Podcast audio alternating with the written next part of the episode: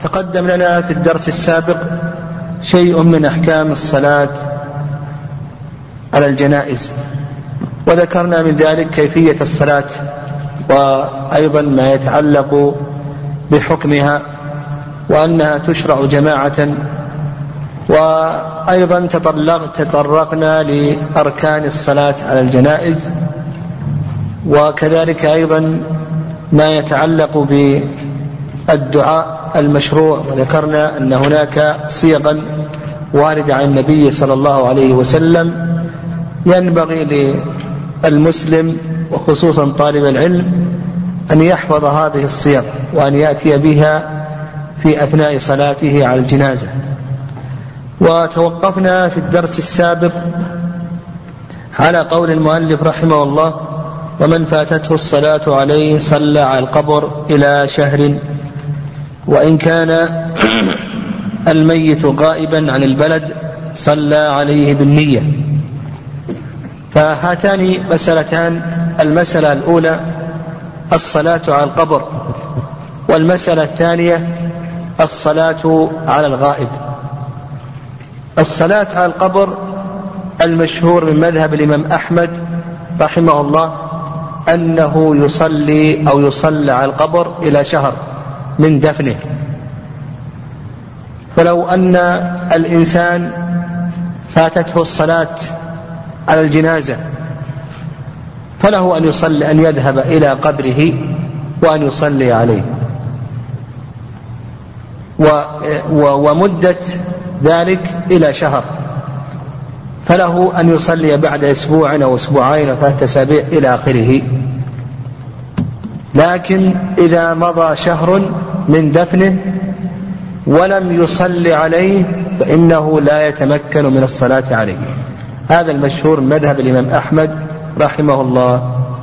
والرأي الثاني رأي أبي حنيفة ومالك. قالوا بأنه يصلى على القبر ما لم يغلب على الظن فناء الجسد. فإذا غلب على الظن أن الجسد قد فني فإنه لا يصلى عليه. وحينئذ يرجع إلى أهل الخبرة. فيسأل أهل الخبرة هل الجسد الآن بقي أو أنه أو أن الأرض قد أكلت؟ فإذا قال أهل الخبرة بأنه بأن الجسد لا يبقى أكثر من شهر أو من شهرين أو من ثلاثة أشهر إلى آخره فإنه إذا غلب على الظن أن الجسد قد فني فإنه لا يصلى عليه. أما إذا غلب على الظن أن الجسد لا يزال باقيا فإنه يصلى عليه. الرأي الثالث ما ذهب إليه الشافعي رحمه الله وقالوا الشافعية قالوا يصلى على القبر بشرط أن يكون المصلي حين موت الميت من أهل فرض الصلاة عليه. يعني أن يكون بالغا.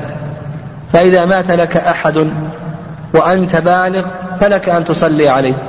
ولا يحدد هذا بشهر أو شهرين أو ثلاثة أشهر. بالشرط أن تكون بالغا. فلو أنه مات لك ميت وأنت غائب.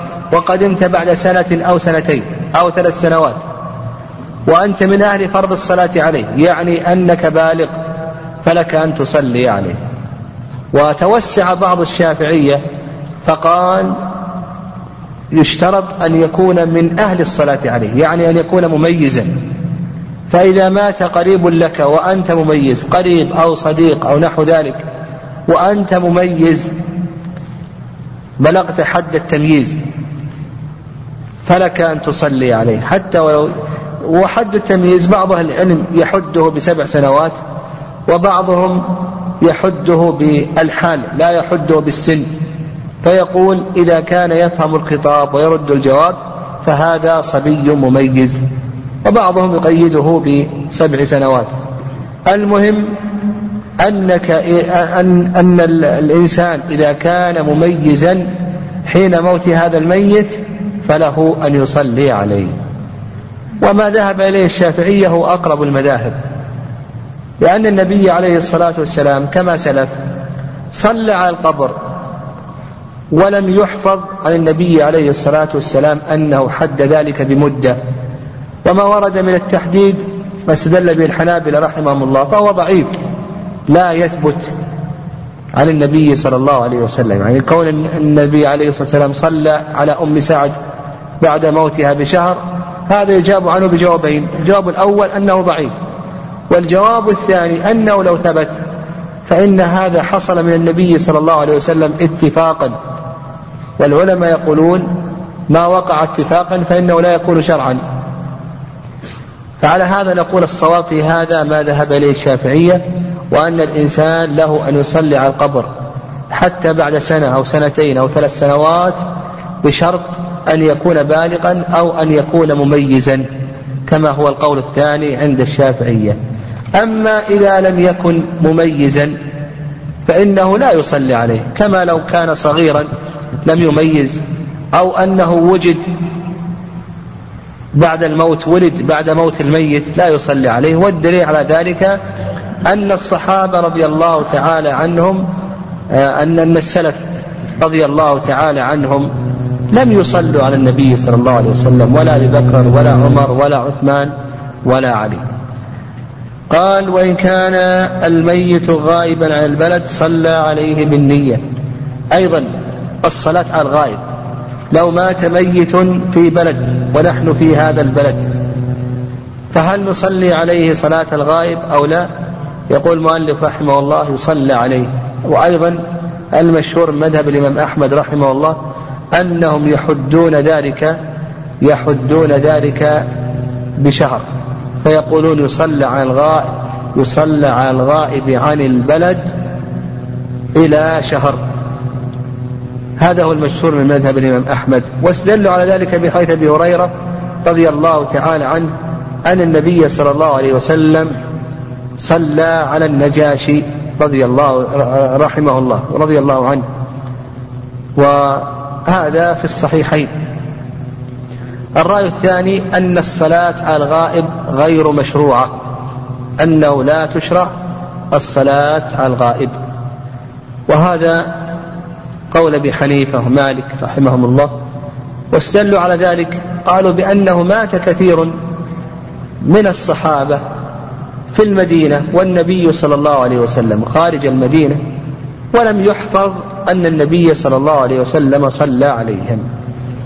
وتوسط شيخ الإسلام تيمية رحمه الله في هذه المسألة فقال الغائب إن صلي عليه فلا تشرع الصلاة عليه. لأن النبي عليه الصلاة والسلام لم يحفظ عنه أنه كان يصلي على من مات بالمدينة إذا كان خارج المدينة. ويقول شيخ الإسلام إن صلي عليه فإنه لا يصلى عليه وإن لم يصلى عليه فإنه يصلى عليه. ودليل ذلك قصة النجاشي فإن النجاشي في بلد لم يكن فيها مسلم فمات فصلى عليه النبي صلى الله عليه وسلم في بلد كفر. فنقول الغائب إن صلي عليه لا نصلي عليه وأما إذا لم يصل عليه فإننا نصلي عليه. وهذا هو أقرب الأقوال وهو الذي تجتمع به أدلة المسألة. قال ومن تعذر غسله لعدم الماء أو الخوف عليه من التقطع كالمجدول أو المحترق أو لكون المرأة بين رجال أو الرجل بين نساء فإنه ييمم. يقول المؤلف رحمه الله من تعذر تغسيله لعدم الماء لم نجد ماء نغسله به. فطريق ذلك أن أن نيممه. وكيفية ذلك أن يأتي الغاسل ويضرب الصعيد. ثم بعد ذلك يمسح وجه الميت ويمسح كفيه. الباطن والظاهر. يأتي ويضرب الصعيد ثم يمسح وجه الميت ويمسح كفيه الباطن والظاهر. هذا ما ذهب إليه المؤلف رحمه الله. والصواب في ذلك أنه إذا لم يكن ماء أن التيمم لا يشرع. لأن التغسيل ليس لرفع الحدث وإنما تغسيل الميت لتنظيفه وتطهيره. ولهذا قال النبي صلى الله عليه وسلم في الذي وقصته راحلته اغسلوه بماء وسدر. فقال النبي عليه الصلاة والسلام سدر. وقال أيضا اجعلنا في الغسلة الأخيرة كافورا كحديث أم عطية. فدل ذلك أن المراد تنظيف الميت وتطييبه وتطهيره لكي يقدم على الله عز وجل على هذه الحال وأما التيمم فهذا ليس فيه تنظيف. التيمم طهارته ليست طهارة حسية. وإنما طهارته طهارة معنوية. وعلى هذا نقول إذا لم نجد ماء فإنه يسقط تغسيل الميت وحينئذ نكفنه. ولا حاجة إلى أن نيممه قال أو لخوف أو الخوف عليه من التقطع كالمجدور أو المحترق. يعني لو كان الميت أصابه مرض الجدري أو احترق الميت. أو مثلا في حادث من حوادث السيارات ونحو ذلك. فبالنسبة لتغسيله نقول لا يخلو حاله من أمرين. الأمر الأول أن أن يذهب أو أن يسقط منه شيء بالتغسيل. يعني مثلا احترق هذا الميت ثم إذا غسلناه بالماء يتساقط شيء من أجزائه. فهذا لا نغسله. وعلى كلام المؤلف رحمه الله أننا نيممه. يعني يأتي الغاسل ويضرب الصعيد ويمسح وجهه وكفيه كما سبق. والصواب في ذلك أنه لا حاجة إلى ذلك. وأنه إذا كان تغسيله يؤدي إلى تساقط شيء من بدنه فإنه لا حاجة إلى تغسيله ولا تيميمه بل لا يشرع أن يغسل ولا أن ييمم فيسقط ذلك. وحينئذ يصار إلى التكفين. هذه الحالة الأولى. الحالة الثانية أننا إذا غسلناه لا يسقط شيء من بدنه. لا يسقط شيء من أجزائه. حتى لو كان محترقا أو كان مجدورا أو أصيب بحادث ونحو ذلك فهذا نغسله. قال أو لكون المرأة بين رجال أو الرجل بين نساء. يعني مات رجل بين نساء أو ماتت امرأة بين رجال. لأن الرجل لا يغسله إلا الرجال. وليس هناك أحد من الرجال أو هناك زوجة له أو أمة له. فإن النساء حتى ولو كن محارم لا يغسلن حتى لو كان هناك من أمه وأخته وبنته إلى آخره لا تتولى تغسيله. فيقول المؤلف رحمه الله نيممه. والرأي الثاني في هذه المسألة أنه إذا مات الرجل بين النساء أننا ندرج عليه الماء إدراجا. يعني لا حاجة إلى أن تباشره المرأة. فنقول بأن النساء يأخذن الماء ويصببنه عليه. يدرج عليه الماء إدراجا ويكفي ذلك. يدرج عليه الماء إدراجا آه، إذا كنا أجنبيات من وراء ستر ويكفي ذلك. لأنه كما تقدم لنا في الغسل المجزي أنه أن الغسل المجزي أنه تعميم البدن بالماء. فإذا عممنا البدن بالماء فإن هذا غسل غسل مجزي وعكسه إذا ماتت المرأة بين نساء فإننا كما قال بعض السلف ندرج الماء إدراجا. يعني يقوم الرجال ويصبوا عليها الماء بدون مباشرة بدون أن يباشروها بالتقليب ونحو ذلك بل يقوم بصب الماء عليها فإذا ظنوا أن الماء عم البدن كفى ذلك. قال إلا أن لكل من الزوجين غسل صاحبه وكذا أم الولد مع سيدها. لكل واحد من الزوجين أن يغسل صاحبه. فالزوجة لها أن تغسل زوجها والزوج له أن يغسل زوجته. وهذا ما عليه جماهير أهل العلم خلافا لأبي حنيفة رحمه الله تعالى. ودليل ذلك قول عائشة رضي الله تعالى عنها لو استقبلنا من أمرنا ما استدبرناه ما غسل رسول الله صلى الله عليه وسلم إلا نساؤه. نعم. لو استقبلنا من أمرنا ما استدبرناه ما غسل رسول الله صلى الله عليه وسلم إلا نساؤه. وأيضا حديث عائشة أن النبي صلى الله عليه وسلم قال لها ما ضرك لو مت قبلي لغسلتك وكفنتك ثم صليت عليك. ما ضرك لو مت قبلي لغسلتك وكفنتك إلى آخره. وأيضا أبو بكر رضي الله تعالى عنه أوصى أن تغسله زوجته أسمى بنت عميس وعلي رضي الله تعالى عنه غسل فاطمة. فالصواب في هذه المسألة أن لكل واحد من الزوجين أن يغسل صاحبه خلافا لما ذهب إليه أبو حنيفة رحمه الله تعالى. قال وكذا السيد وكذا أم الولد مع سيدها.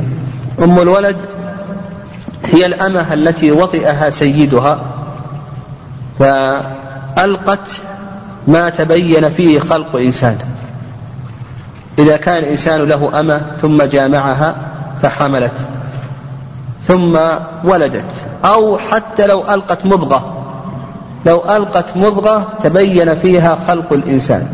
يعني من تخطيط يد أو رجل أو نحو ذلك هذه تصبح أم ولد. من باب أولى إذا آه، ولدت ولدا كاملا إلى آخره.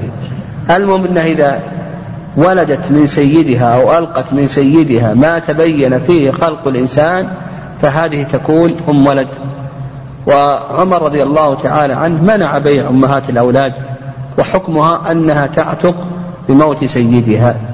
فهذه أم الولد أم الولد لها أن تغسل سيدها لو مات ولسيدها أن يغسلها. وكذلك أيضا الأمة الأمة التي آه، ملك للسيد له أن يغسلها وأيضا لها أن تغسله. قال والشهيد إذا مات في المعركة لم يغسل ولم يصل عليه. الشهيد هو من قتل من قتل نعم الشهيد من قاتل لتكون كلمة الله هي العليا فقتل. من قاتل لتكون كلمة الله هي العليا فقتل. هذا هو الشهيد. فإذا قاتل لتكون كلمة الله هي العليا ثم بعد ذلك قتل فيقول المؤلف رحمه الله بأنه لا يغسل. وهذا ما عليه أكثر أهل العلم رحمهم الله. وخالف في ذلك الحسن البصري وسعيد بن المسيب فقال لا يغسل. والصواب في ذلك أنه لا يغسل لأن النبي عليه الصلاة والسلام في حديث جابر كما في صحيح البخاري لم يغسل شهداء أحد وإنما دفنهم بدمائهم. وأما القول بأنه يغسل فهذا ضعيف كما أشار إليه ابن القيم رحمه الله. يقول ابن القيم رحمه الله القول بتغسيل الشهيد أضعف من القول بالصلاة عليه لأن بعض أهل العلم كما سيأتينا أبو حنيفة رحمه الله يرى أن الشهيد صلى عليه. لكن يقول ابن القيم رحمه الله الخلاف في تغسيل الشهيد أضعف من الخلاف في الصلاة عليه لأن التغسيل الشهيد لم يرد فيه من الآثار ما ورد في الصلاة على الشهيد. الشهيد ورد فيه آثار بالنسبة للصلاة عليه أما بالنسبة للتغسيل فلم يرد شيء من ذلك. وعلى هذا نقول القول بتغسيل الشهيد هذا ضعيف بل العلماء رحمه الله اختلفوا في في حكم تغسيله. هل هو مكروه أو محرم؟ فبعض العلماء قال يحرم تغسيله. بعضهم قال يكره تغسيله. وعلى كل حال على كل حال تغسيل الشهيد هذا ليس مشروعا بل منهي عنه. وهذا النهي إما أن يكون نهي تحريم وإما أن يكون نهي كراهة.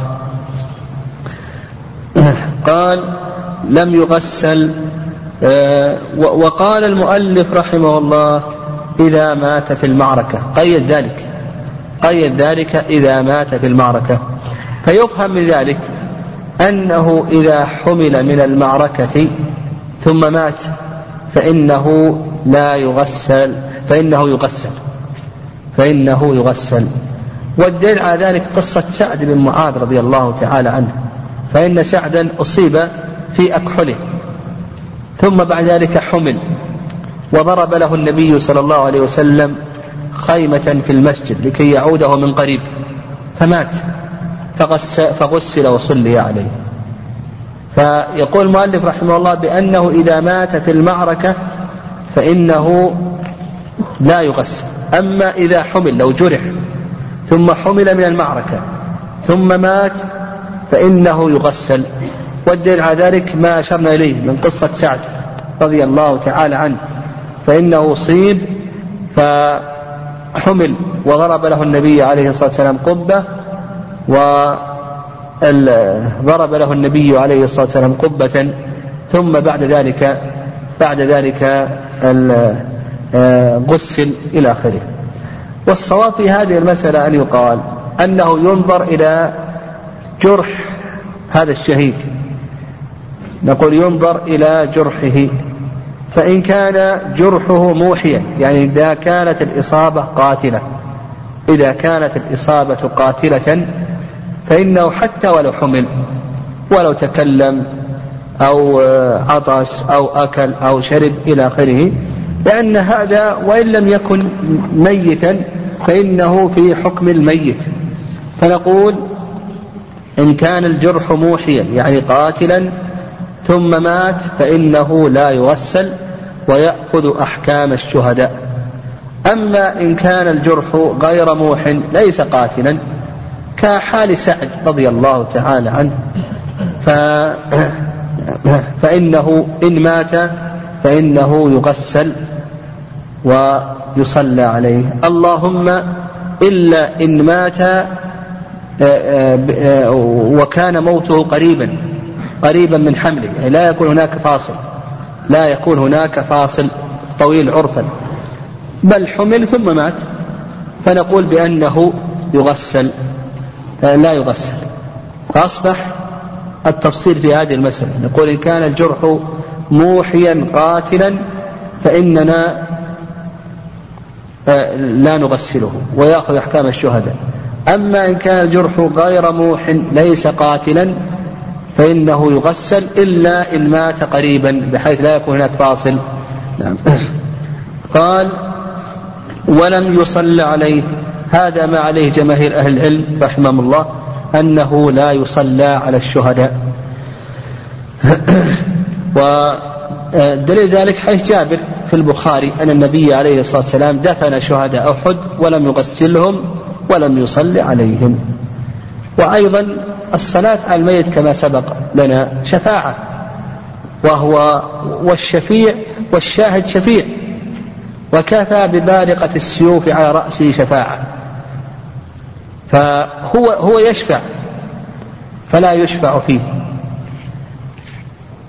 فما عليه جمهور أهل العلم أنه لا يصلى عليه. وعند أبي حنيفة رحمه الله أن الشهيد يصلى عليه بحديث عقبة بن عامر في الصحيحين أن النبي صلى الله عليه وسلم خرج يوما فصلى على أهل أحد صلاته على الميت. حديث عقبة بن عامر. في الصحيحين أن النبي عليه الصلاة والسلام خرج يوما فصلى على أهل أحد صلاته على الميت. والجواب على ذلك الجواب عن قصة صلاة النبي عليه الصلاة والسلام على شهداء أحد نقول بأن هذه الصلاة صلاة خاصة. صلاة خاصة أراد منها النبي صلى الله عليه وسلم أن يودع أهل أحد.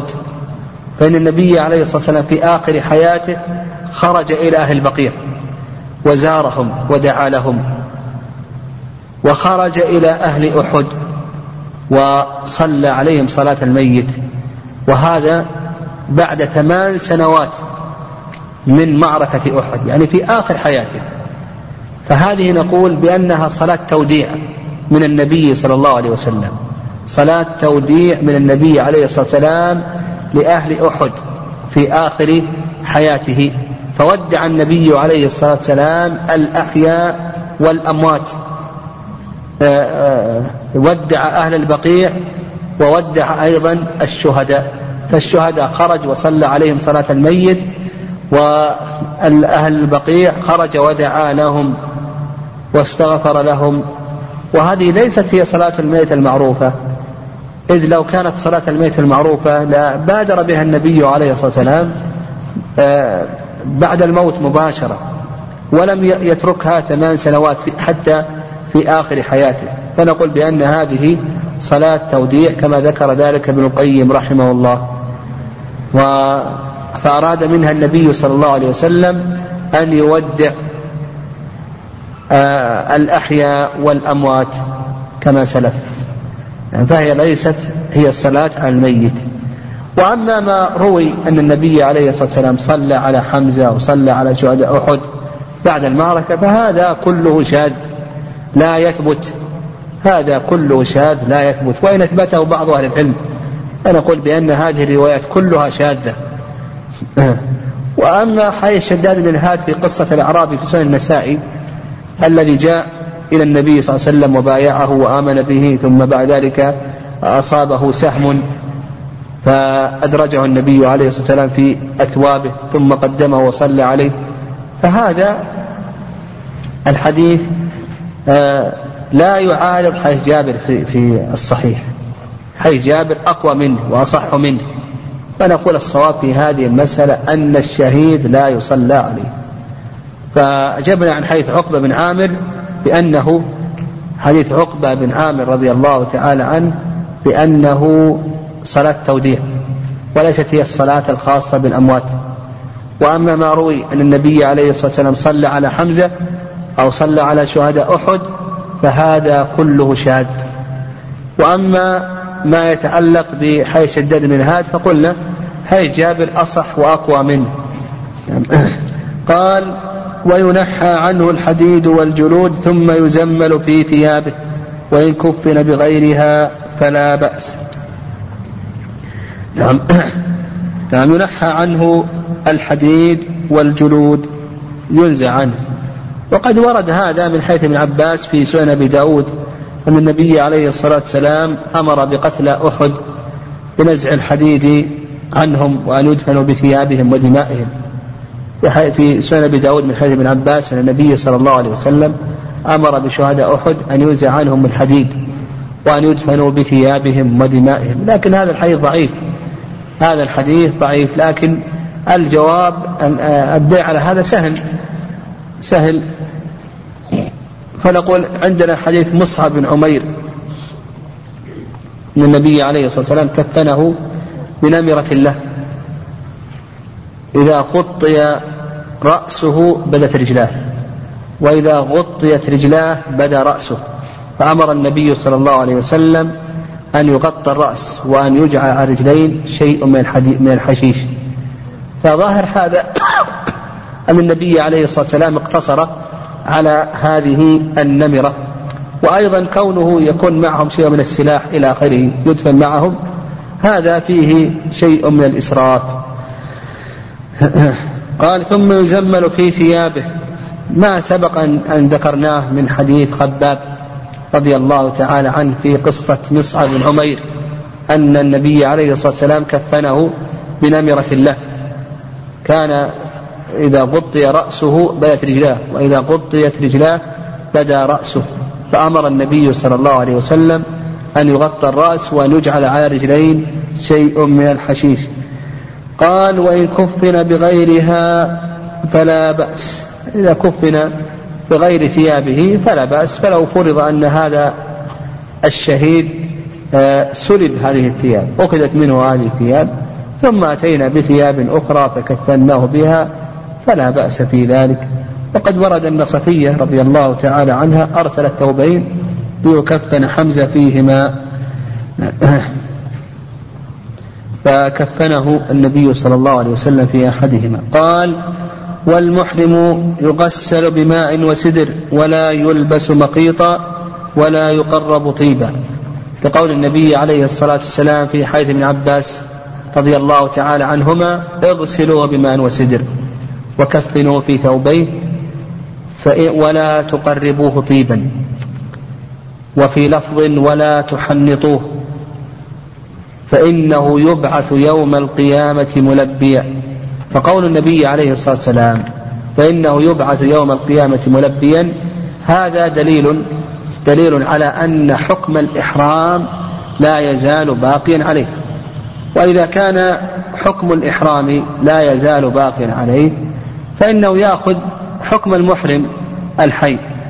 لا يطيب لا نطيبه ولا نلبسه المخيط ولا نقلم أظافره وأيضا لا نأخذ شيئا أو لا نحرق رأسه إلى آخره. حكم الإحرام أو لا نأخذ شيئا من شعره. حكم الإحرام لا يزال باق عليه. قول النبي عليه الصلاة والسلام ولا تقربوا طيبا ولا تحنطوه. فإنه يبعث يوم القيامة ملبيا. قال ولا يقطع شعره ولا ظفره. كالمحرم الحي قال ويستحب دفن الميت في لحد دفن الميت حكمه فرض كفاية. فرض كفاية لأن النبي عليه الصلاة والسلام أمر بذلك. أمر بدفن الميت.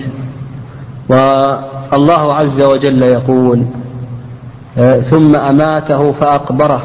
قال ابن عباس رضي الله تعالى عنهما أكرمه بدفنه. أكرمه بدفنه.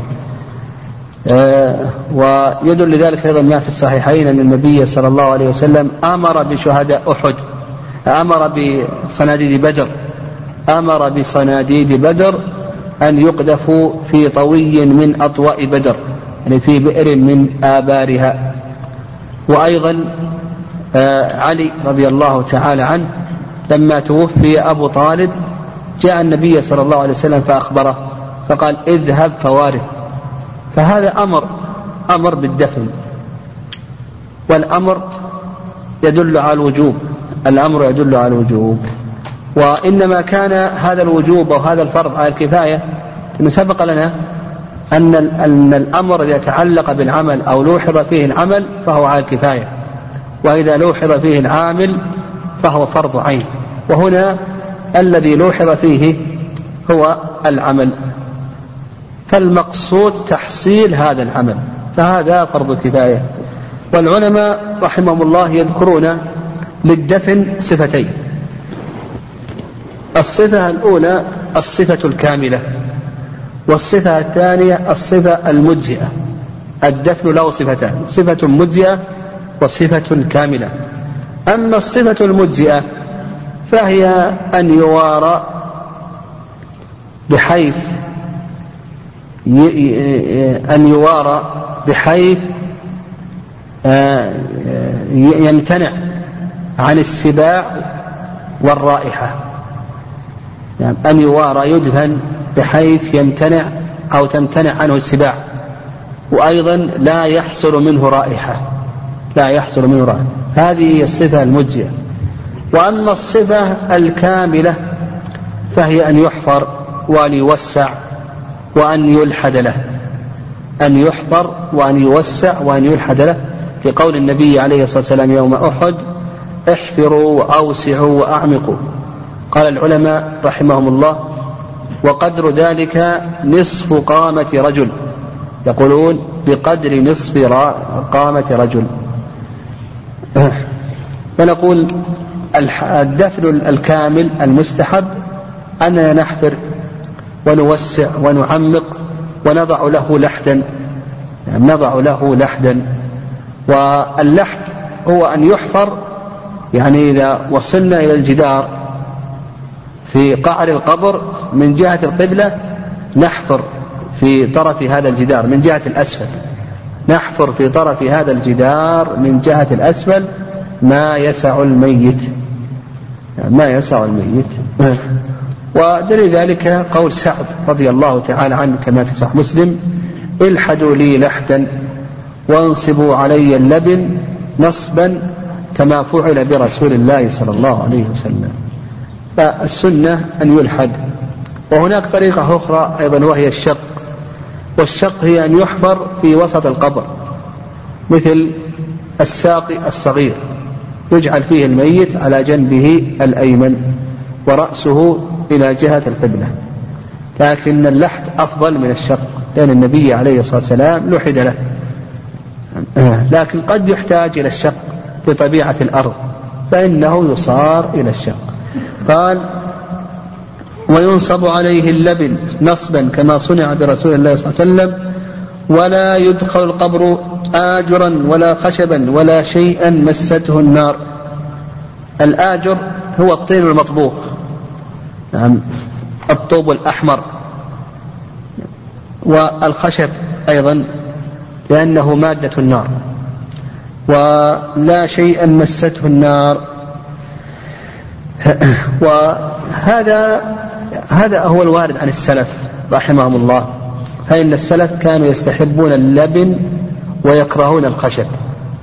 السلف كانوا يستحبون اللبن ويكرهون الخشب تفاؤلا تفاؤلا في عدم آه، تأذي هذا الميت. وأيضا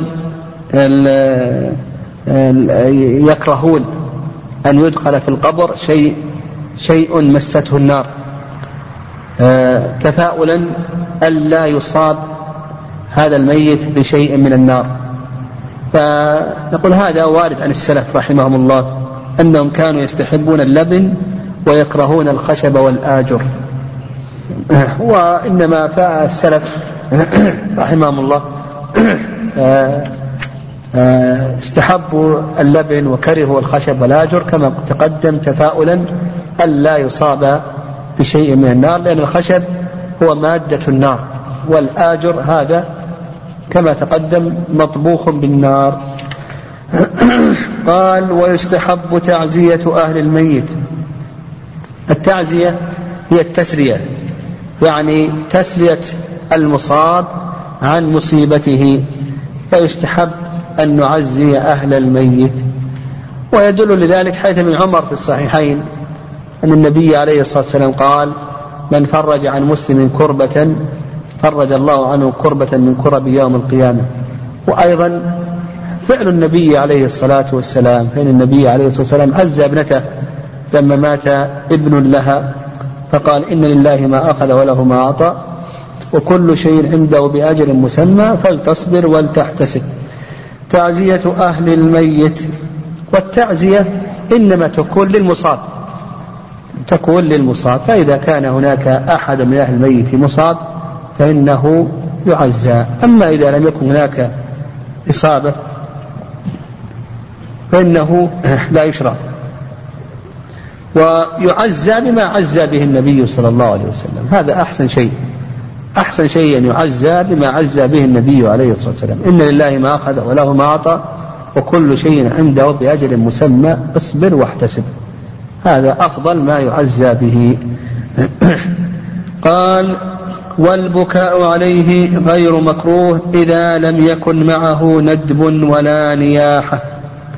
الندب هو تعداد محاسن الميت. الندب تعداد محاسن الميت. والندب قسمه العلماء رحمهم الله إلى قسمين. القسم الأول ندب مذموم. ندب مذموم. وهو أن يكثر من الندب أن يكثر من الندب لأن هذا يهيج الأحزان. يعني يشرع في تعداد محاسن الميت مات فلان الذي يصل الرحم ويبر الوالدين ويأتينا بالطعام والشراب واللباس وغير ذلك. هذه الأشياء تهيج تهيج الأحزان. والشرع جاء بتخفيف الأحزان. الثاني الثاني ندب يسير هذا أجازه العلماء. إذا كان الندب يسيرا هذا أجازه العلماء.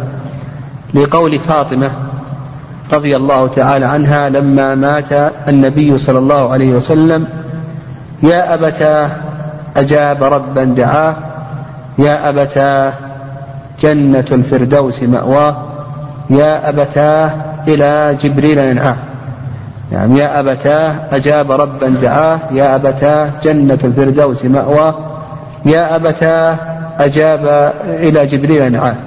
وهذا في البخاري فقال العلماء إذا كان ندب يسيرا فإن هذا لا بأس به. أما الندب الذي فيه تعداد محاسن الميت بحيث أنه يهيج الأحزان ويدعو إلى البكاء فإن هذا مذموم ومنهي عنه. قال والبكاء عليه أيضا البكاء ينقسم إلى قسمين. يعني البكاء ينقسم إلى قسمين. القسم الأول بكاء طبيعي. يعني بكاء طبيعي. آه، ليس في آه، آه، بكاء طبيعي تمليه الطبيعة. ليس فيه تكلف وإنما شيء تمليه الطبيعة. فنقول بأن هذا جائز. نقول هذا جائز والنبي عليه الصلاة والسلام بكى لما مات ابنه إبراهيم وقال إن العين لتدمع وإن القلب ليحزن وإنا على فراقك يا إبراهيم لمحزونون. فإذا كان البكاء طبيعيا تمليه الطبيعة فهذه كما قال النبي عليه السلام رحمة جعلها الله في قلوب من يشاء من عباده. وإنما يرحم الله من عباده الرحماء. القسم الثاني دعاء متكلف. يعني دعاء متكلف. بأن يكثر آه، بكاء متكلف. بأن يكون هناك رفع للصوت أو يصحب البكاء ندب تعداد محاسن الميت أو آه، يكثر منه إلى آخره. فنقول بأن هذا هذا مذموم. قال ولا نياحة. النياحة فسرها العلماء رحمهم الله بتفسيرين. فسرها العلماء رحمهم الله بتفسيرين. التفسير الأول قالوا بأن النياحة هي البكاء مع الندب. إذا اجتمع البكاء والندب فهذه نياحة. يعني يبكي ويعدد محاسن الميت. يبكي ويقول ذهب فلان الذي يفعل ويفعل ويفعل إلى آخره. فهذه القول الأول. والقول الثاني أن المراد بالنياحة هو اجتماع النساء على البكاء. أن تجتمع عدة نساء على البكاء. ولا شك أن النياحة النياحة من كبائر الذنوب. وفي الحديث الصحيح عن النبي صلى الله عليه وسلم أنه قال النائحة إذا لم تتب تقام يوم القيامة وعليها سربال من قطران ودرع من جرب. وهذه عقوبة خاصة. ولا تكون هذه العقوبة الخاصة إلا على كبيرة من كبائر الذنوب. قال ولا بأس بزيارة القبور للرجال. قبل أن قبل أن ننتقل للزيارة نقول أحوال الميت أو أحوال المصاب. المصاب الإنسان إذا أصيب بمصيبة فله أحوال. إذا أصيب الإنسان بمصيبة فله أحوال. الحالة الأولى الصبر وهذا واجب. هذا واجب. والصبر هو أن يحبس قلبه ولسانه وجوارحه عما نهي عنه أن يحبس القلب واللسان والجوارح عما نهي عنه. فيحبس قلبه عن كراهة قضاء الله وقدره ورفضه وعدم التسليم له ويحبس لسانه عن السب والشتم ونحو ذلك ويحبس جوارحه عن الضرب أو إتلاف المال أو ونحو ذلك. ولهذا قال النبي عليه الصلاة والسلام ليس منا من ضرب الخدود وشق الجيوب ودعا بدعوى الجاهلية. هذا في الصحيحين. حيث ابن مسعود رضي الله تعالى عنه ليس منا من ضرب الخدود وشق الجيوب ودعا بدعوى الجاهلية. الحالة الثانية التسخط. والتسخط هي ضد الصبر وهي محرمة. محرمة. والتسخط هي أن يسخط أن يكون التسخط بالقلب وباللسان وبالجوارح. فبالقلب أن يسقط قضاء الله وقدره. يعني يكره قضاء الله وقدره. ولا يسلم. وباللسان أن يفعل محرم من السب والشتم والقذف. وبالجوارح أن يفعل المحرم باللسان يقول المحرم والجوارح أن يفعل المحرم من الضرب أو الشق أو إتلاف المال أو غير ذلك. الحالة الثالثة الرضا. الحالة الثالثة الرضا. والرضا ينقسم إلى قسمين. رضاء بالقضاء والقدر ورضاء بالمقدور والمقضي. رضاء بالقضاء والقدر ورضاء بالمق بالمقدور والمقضي. أما الرضاء بالقضاء والقدر فهذا واجب. يجب على الإنسان يرضى بقضاء الله وقدره. أما الرضا بالمقضي والمقدور فهذا سنة. هذا الأفضل أن ترضى. يعني لا يلزم الإنسان إذا حصل عليه حادث في سيارته أن يرضى بهذا. لو كره ذلك لا يلام على هذا. أو أنه لو مات قريب له أن يرضى بذلك. لو لو كره ذلك هذا لا يلام عليه. لكن الأفضل أن يرضى وأن يسلم. هذا تمام الإيمان بقضاء الله وقدره. فنقول المقضي والمقدور المصائب لا يلزم الرضا بها لكن يستحب الرضا بها. لكن فعل الله عز وجل من القضاء والقدر هذا يجب الرضاء به. قال نعم. آه، الحالة الثالثة الحالة الرابعة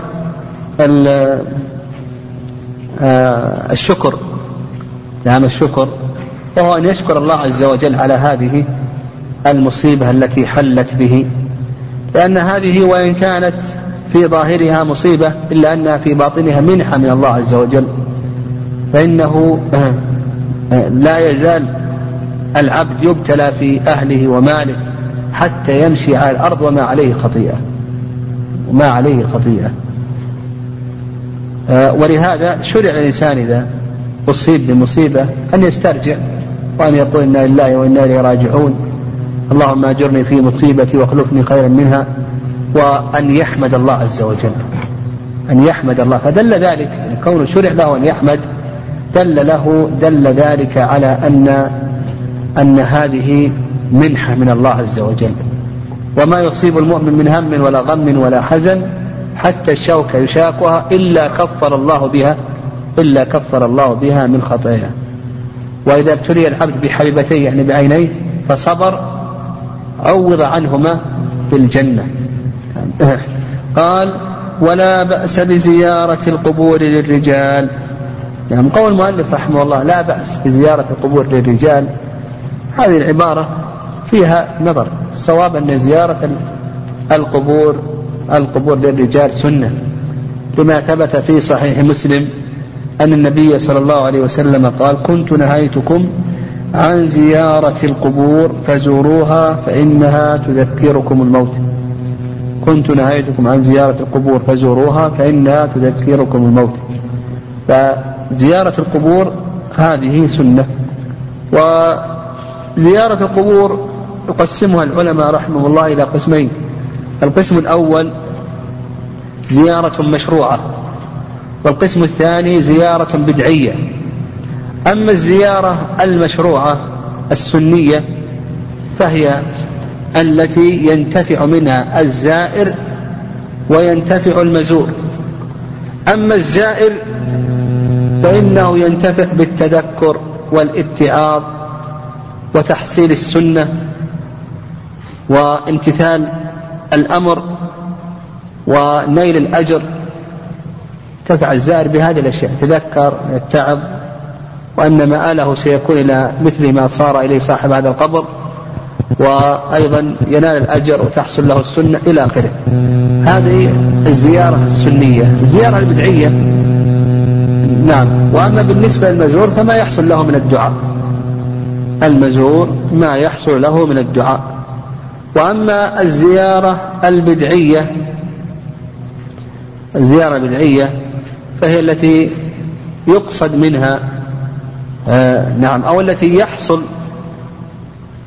فيها شيء من البدع أو الشرك شركيات مثل أن يتحرى الدعاء عند هذا القبر أو أن يتحرى فعل العبادة عند هذا القبر أو أن يتمسح بالقبر أو أن يتوسل به. إلى الله عز وجل أو أن يصرف له شيء من أنواع العبادة إلى آخره كما عليه أهل الخرافة والصوفية والقبوريون إلى آخره. قال ويقول إذا مر بها أو زارها سلام عليكم أهل دار أهل دار قوم مؤمنين وإنا إن شاء الله بكم لاحقون. قوله في الحديث قول النبي عليه الصلاة والسلام في الحديث وإنا إن شاء الله بكم لاحقون. التعليق التعليق على المشيئة. يعني ما هو وجه التعليق على المشيئة؟ مع أنه محققا بحكم يعني كوننا سنموت هذا أمر محقق لا مرية فيه. كل نفس ذائقة الموت. لكن كيف قال وإنا إن شاء الله بكم للاحقون؟ فقال بعض العلماء أن أن التعليق هنا ليس على أصل الموت. التعليق هنا ليس على أصل الموت وإنما التعليق على المكان. يعني إن شاء الله سنلحق بكم في هذا المكان. وقال بعض العلماء أن المراد التعليق على الإيمان. يعني إن شاء الله نموت على الإيمان. إن شاء الله نموت على الإيمان. وقال بعض العلماء أن المراد أن أن المراد هنا ليس التعليق وإنما المراد التعليل. يعني أن لحوقنا بكم سيكون بمشيئة الله. أن لحوقنا بكم سيكون بمشيئة الله عز وجل. وقال بعض العلماء بأن التعليق على الزمن يعني متى شاء الله أن نلحق بكم لحقنا بكم. متى شاء الله أن نلحق بكم لحقنا بكم. اللهم لا تحرمنا أجرهم ولا تفتنا بعدهم واغفر لنا ولهم. نسأل الله لنا ولكم العافية. قال وأي قربة قبل هذه الجملة الأخيرة؟ آه بالنسبة للزيارة كيفية الزيارة؟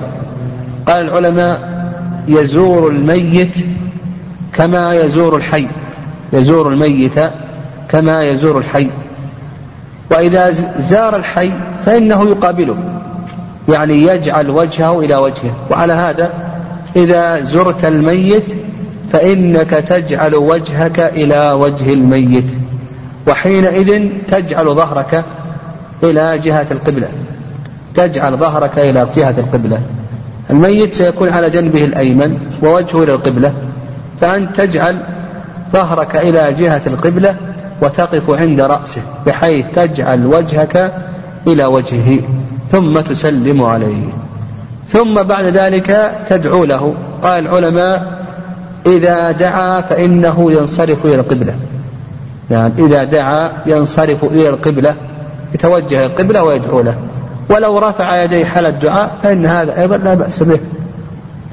كما ورد ذلك في حديث عائشة رضي الله تعالى عنها لما زار النبي عليه الصلاة والسلام أهل بقيع رفع يديه. فنقول كيفية الزيارة؟ الإنسان يجعل وجهه إلى وجه الميت وظهره إلى جهة القبلة. ثم بعد ذلك إذا أراد أن يدعو فإنه ينحرف إلى القبلة ينحرف إلى القبلة ويرفع يديه. يعني كما ورد ذلك من حديث عائشة رضي الله تعالى عنها. قال وأي قربة فعلها وجعل ثوابها للميت المسلم نفعه ذلك. القربة العبادة. يعني على كلام المؤلف رحمه الله أن أي عبادة تفعلها ثم تهدي ثوابها. إلى الميت فإنه يصله بإذن الله.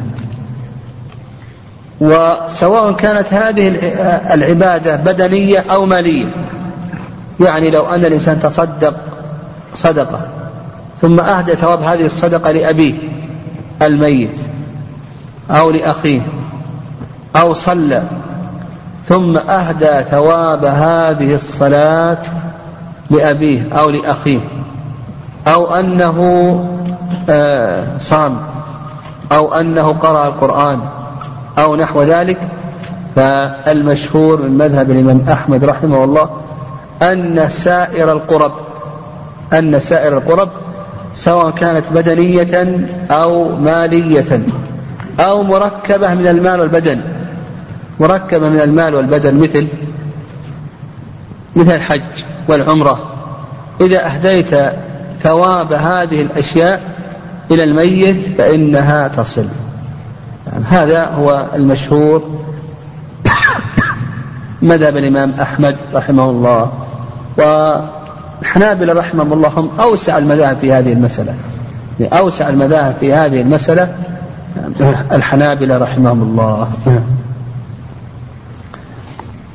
وبعد فسبق لنا في آخر كتاب الجنائز شيء من مسائل زيارة القبور. وذكرنا أن زيارة القبور تنقسم إلى قسمين.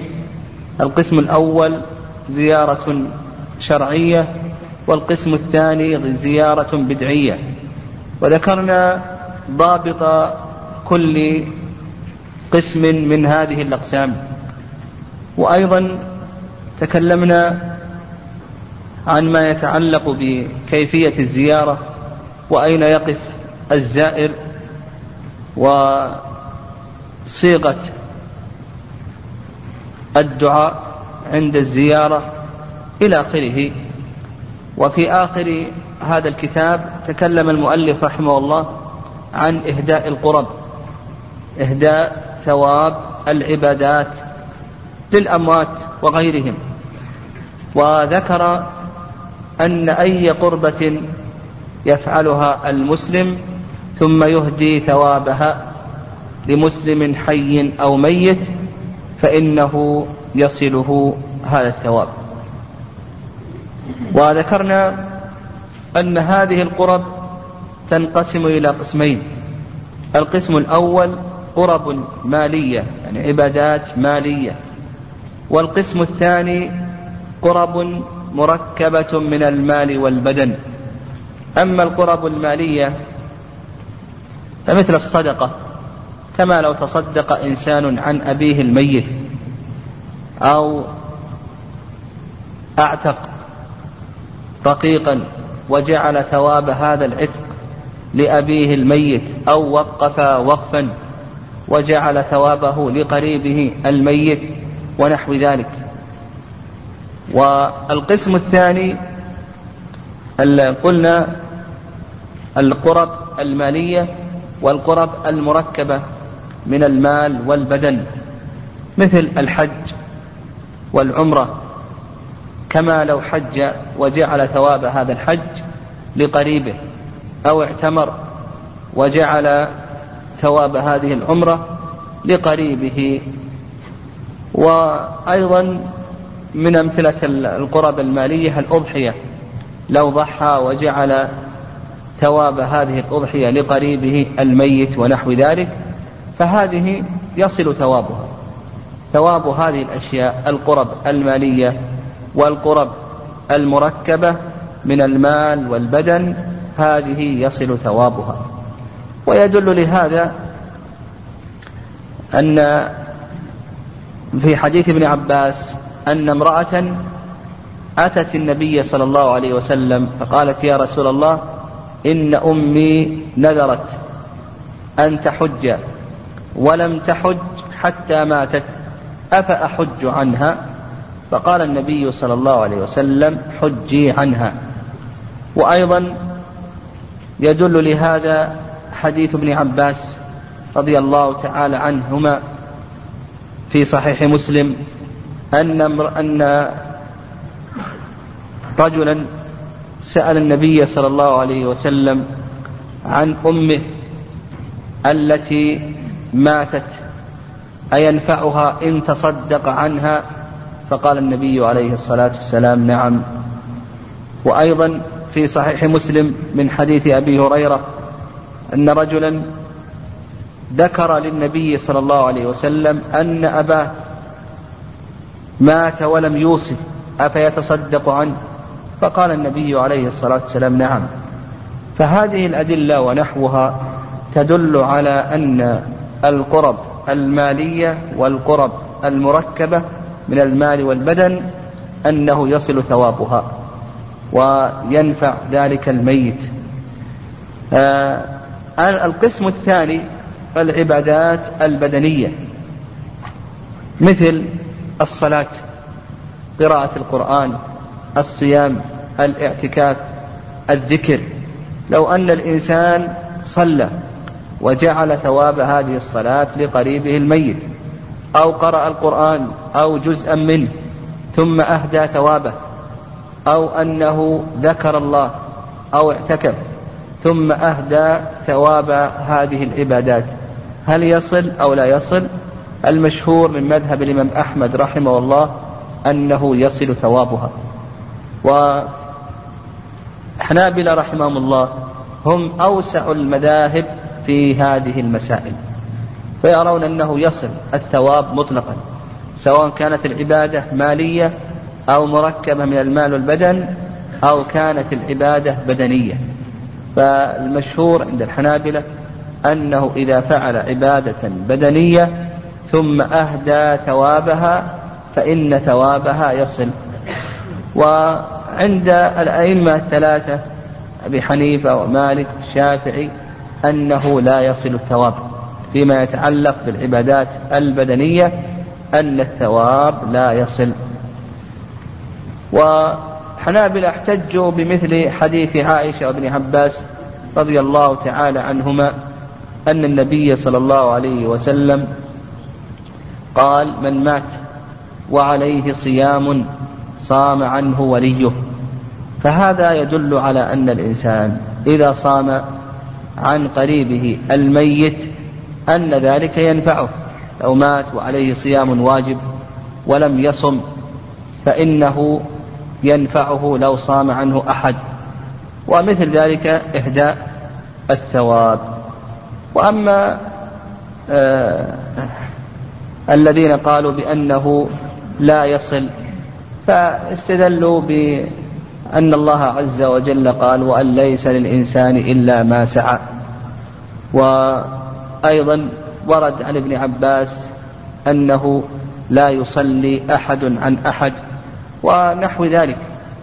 والصواب في هذه المسائل أن يقال الصواب أن يقال إن إهداء القرب ينقسم إلى قسمين. القسم الأول مشروع وهو ما ورد النص به وهو الدعاء. فإن النبي فإن الله عز وجل قال والذين جاءوا من بعدهم يقولون ربنا اغفر لنا ولإخواننا الذين سبقونا بالإيمان. فنقول ما يتعلق بالدعاء السنة إهداء ثوابه وأن يدعو السنة آه، أن يدعو المسلم لقريبه الميت والحي وأنه مأمور بذلك وأن هذا الدعاء ينفعه عند الله عز وجل. وأيضا يدل لهذا قول النبي صلى الله عليه وسلم إذا مات ابن آدم انقطع عمله إلا من ثلاث وذكر منها أو ولد صالح يدعو له. فدل ذلك على أن الدعاء ينفع الميت. نقول هذا القسم الأول. القسم الأول إهداء العبادة المشروع وهذا يتعلق بالدعاء والاستغفار. القسم الثاني القسم الثاني ما عدا ذلك من إهداء ثواب الصدقة وإهداء ثواب الحج والعمرة وكذلك أيضا الصلاة وقراءة القرآن والصيام فنقول بأن هذا كله يصل ثوابه إلى الميت وينتفع به الميت لكن هذا ليس من المشروع وإنما هو من المباح لأن النبي صلى الله عليه وسلم أذن بذلك. فنقول بأنه لا يثرب على الإنسان إذا فعل عبادة وأهدى ثوابها لقريبه الميت أو لقريبه الحي فإن ذلك فإن ذلك يصل بإذن الله عز وجل. فيكون القسم الثاني المباح وهو بقية العبادات. يقول إهداء ثوابها مباح ويصل إن شاء الله. لكن يبقى النظر أنه ليس من المشروع أن يكثر الإنسان من ذلك. هذا ليس من المشروع. المشروع أن يكثر الإنسان من القسم الأول وهو الدعاء. لكن لو فعل ذلك أحيانا وأهدى الثواب فنقول بأن هذا يصل إن شاء الله. لأن النبي عليه الصلاة والسلام كما تقدم لنا في حديث آه، ابن عباس وحديث أبي هريرة وغيرهما أذن في الوصية للميت وأذن في الصدقة للميت إلى آخره. إذا قضيت من حاجتي التبول قم بغسل ذكري بالماء ثم أنشفه بمنديل أو غيره ثم ألاحظ بعد أن أتوضأ أن في مقدمة الذكر عند مخرج البول رطوبة ظاهرة. هل يلزم نهاية الوضوء أم ماذا؟ أم ابتكار بجوز يقول الإنسان إذا توضأ فإنه يغ... إذا إذا تبول إذا قضى حاجته من البول. فإنه يغسل رأس الذكر ولا حاجة إلى أن ينشف بالمنديل صحيح إذا أراد أنه يجمع بين الاستجمار والاستنجاء هذا طيب. يبدأ أولا بالتنشيف بالمنديل ثم يغسل رأس الذكر. وإذا توضأت فإنك لا تنظر إلى شيء آخر. لا تعلق قلبك مثل هذه الأمور. لا تعلق قلبك بل تذهب وتصلي. وصلاتك صحيحة إن شاء الله. يقول دعاء الاستخارة هل يقال في السجود أم بعد التشهد أم بعد السلام؟ ظاهر الحديث أنه يقال بعد السلام. دعاء الاستخارة. ظاهر الحديث أنه يقال بعد السلام. لكن شيخ الإسلام تيمية رحمه الله قال الأفضل أن يكون قبل السلام. لأن كون الإنسان قبل أن يسلم آه، يقوله قبل أن يسلم هذا أفضل من كونه يقوله بعد السلام. والعلة في ذلك ظاهرة. فإن كون الإنسان في صلاة أقرب إلى الله عز وجل من كونه خارج الصلاة. نعم والأمر في هذا واسع إن شاء الله. يعني إذا قاله بعد التشهد قبل السلام أو قاله بعد السلام الأمر في هذا واسع إن شاء الله.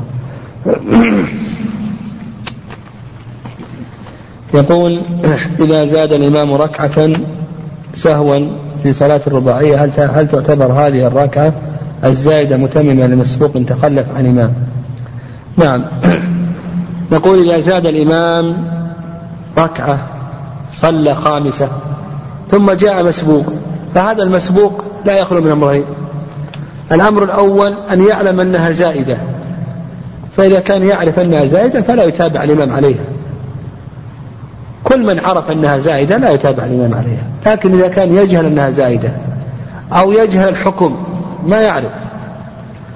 ثم تابع الإمام فإنه يعتد بهذه الزائدة. الصواب أنه يعتد بها. هذا اختيار الشيخ عبد الرحمن السعدي رحمه الله خلافا لمذهب أحمد. الصواب أنه إذا كان يجهل أنها زائدة. يعني يجهل الحال أو يجهل الحكم قل الصواب أنه يعتد بها.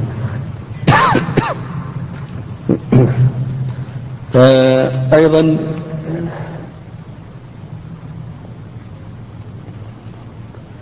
يقول ما حكم من يعزي من فاته أجر عظيم مثل صلاة الفجر؟ هل الجلوس عند الميت من النياحة؟ نقول هذا لم يرد. يعني وإن كان ورد عن بعض السلف رحمهم الله لكن هذا لم يرد عن النبي صلى الله عليه وسلم. فيقتصر على ما ورد عن النبي عليه الصلاة والسلام.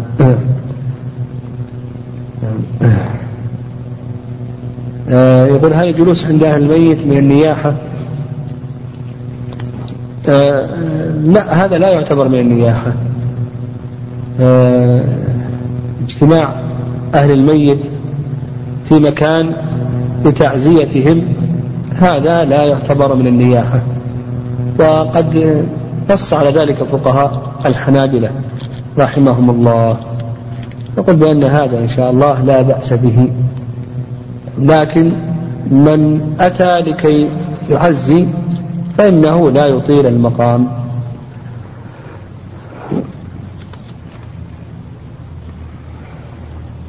يقول إدراج الماء على الميت كحالة وجود الرجل بين النساء هذا ليس فيه تنظيف بل فيه زيادة تنجيس الميت. لا إحنا ذكرنا أن الغسل المجزئ هو أن يعمم الماء بالبدن آه، أن يعم الماء البدن. فإذا عممنا الماء آه، آه، للبدن فهذا في فيه تنظيف فيه تطهير. وإن لم يكن التنظيف الكامل والتطهير الكامل. يقول إذا أراد الإنسان الدعاء الميت بعد دفنه أين يقف؟ وما حكم الالتفاف حول القبر حال الدعاء الميت بعد دفنه؟ يقول يقف على القبر. كما قال الله عز وجل ولا تصلي على أحد منهم مات أبدا ولا تقم على قبره. فتقوم على أي جزء من أجزاء القبر. وكان النبي عليه الصلاة والسلام إذا دفن الميت قال استغفروا لأخيكم واسألوا له التثبيت فإنه الآن يسأل. فنقول تقوم على قبره على أي جزء من القبر وتستغفر له وتسأل له التثبيت.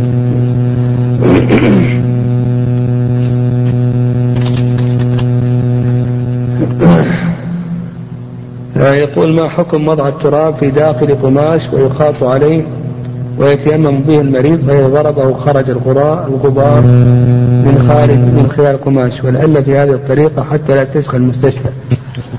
نقول هل التيمم كما سبق لنا ليس خاصا بالتراب؟ ليس خاصا بالتراب بل كل ما تصاعد على وجه الأرض يصح التيمم عليه. كما هو قول أبي حنيفة ومالك. فيصح أن تتيمم على صخرة. ويصح أن تتيمم على قطعة من الرخام أو على قطعة من البلاط. غير ذلك يعني كل ما تصاعد على وجه الأرض فإنه يصح التيمم عليه.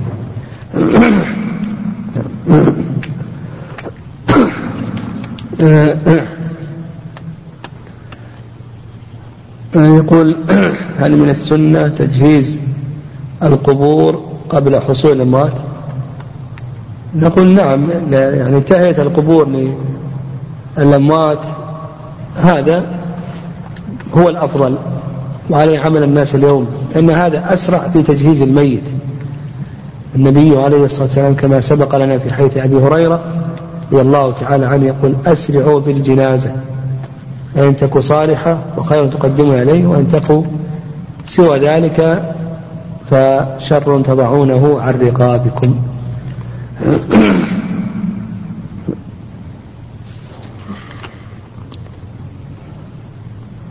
يقول عندي ثلاثة أيمان ولم أكفر في أي واحدة منها. وناسي واحدة والتك منها والتكفير يكون إطعام. هل يجوز أن أبدل الإطعام؟ ثم بشراء كساء أو ثياب للصغار. يقول نعم أنت مخير. من عليه كفارة يمين هو مخير. بين أن يطعم عشرة مساكين أو أن يكسوهم أو أن يعتق رقبة. إذا لم يجد الكفارة المالية فإنه ينتقي الكفارة البدنية.